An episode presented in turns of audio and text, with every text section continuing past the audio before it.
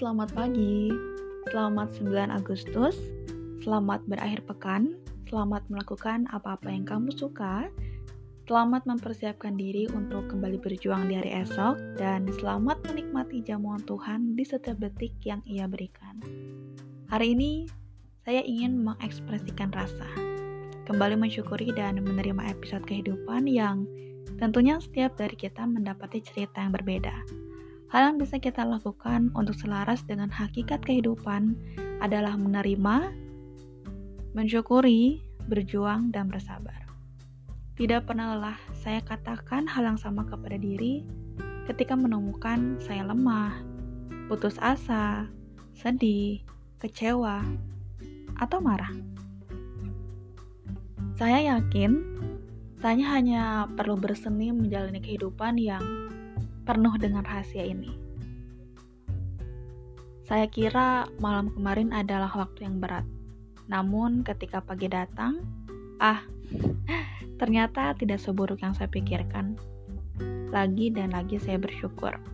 Kemarin rupanya mendewasakan diri hari ini. Menerima, menghadapinya dengan tenang, serta yakin bahwa Allah akan beri jalan keluar. Mungkin jawaban yang kita inginkan bukan untuk hari kemarin, tapi untuk detik ini. Sabar. Gratitude Journal, sebuah buku yang khusus saya beli di April 2019 lalu untuk menuliskan apa-apa yang tidak bisa saya bagikan secara luas di media sosial. Seperti namanya, gratitude, syukur, di sini saya menuangkan hal-hal positif dan mencurahkan kegelisahan sambil merumuskan solusi saat menuliskannya.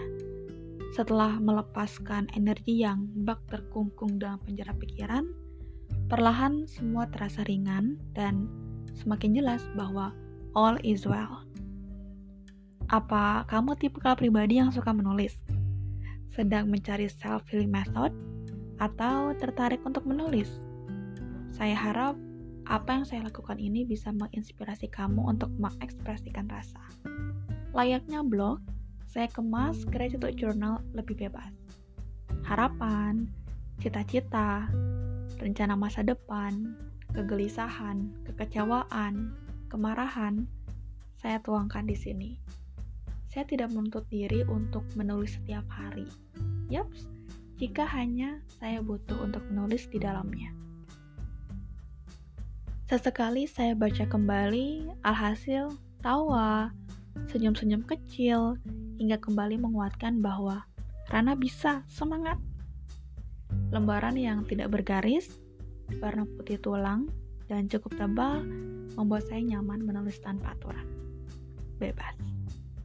Kamu tahu, harapan dan Tuhan yang membuat kita masih hidup di hari ini membayangkan masa depan yang sering kali menjadikan diri cemas, atau masa lalu yang membuat kita sometimes merasa inferior, ah, kita tidak perlu menjadi sempurna.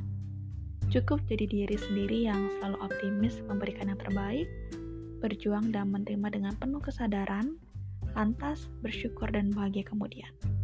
Ya, jadi manusia biasa saja.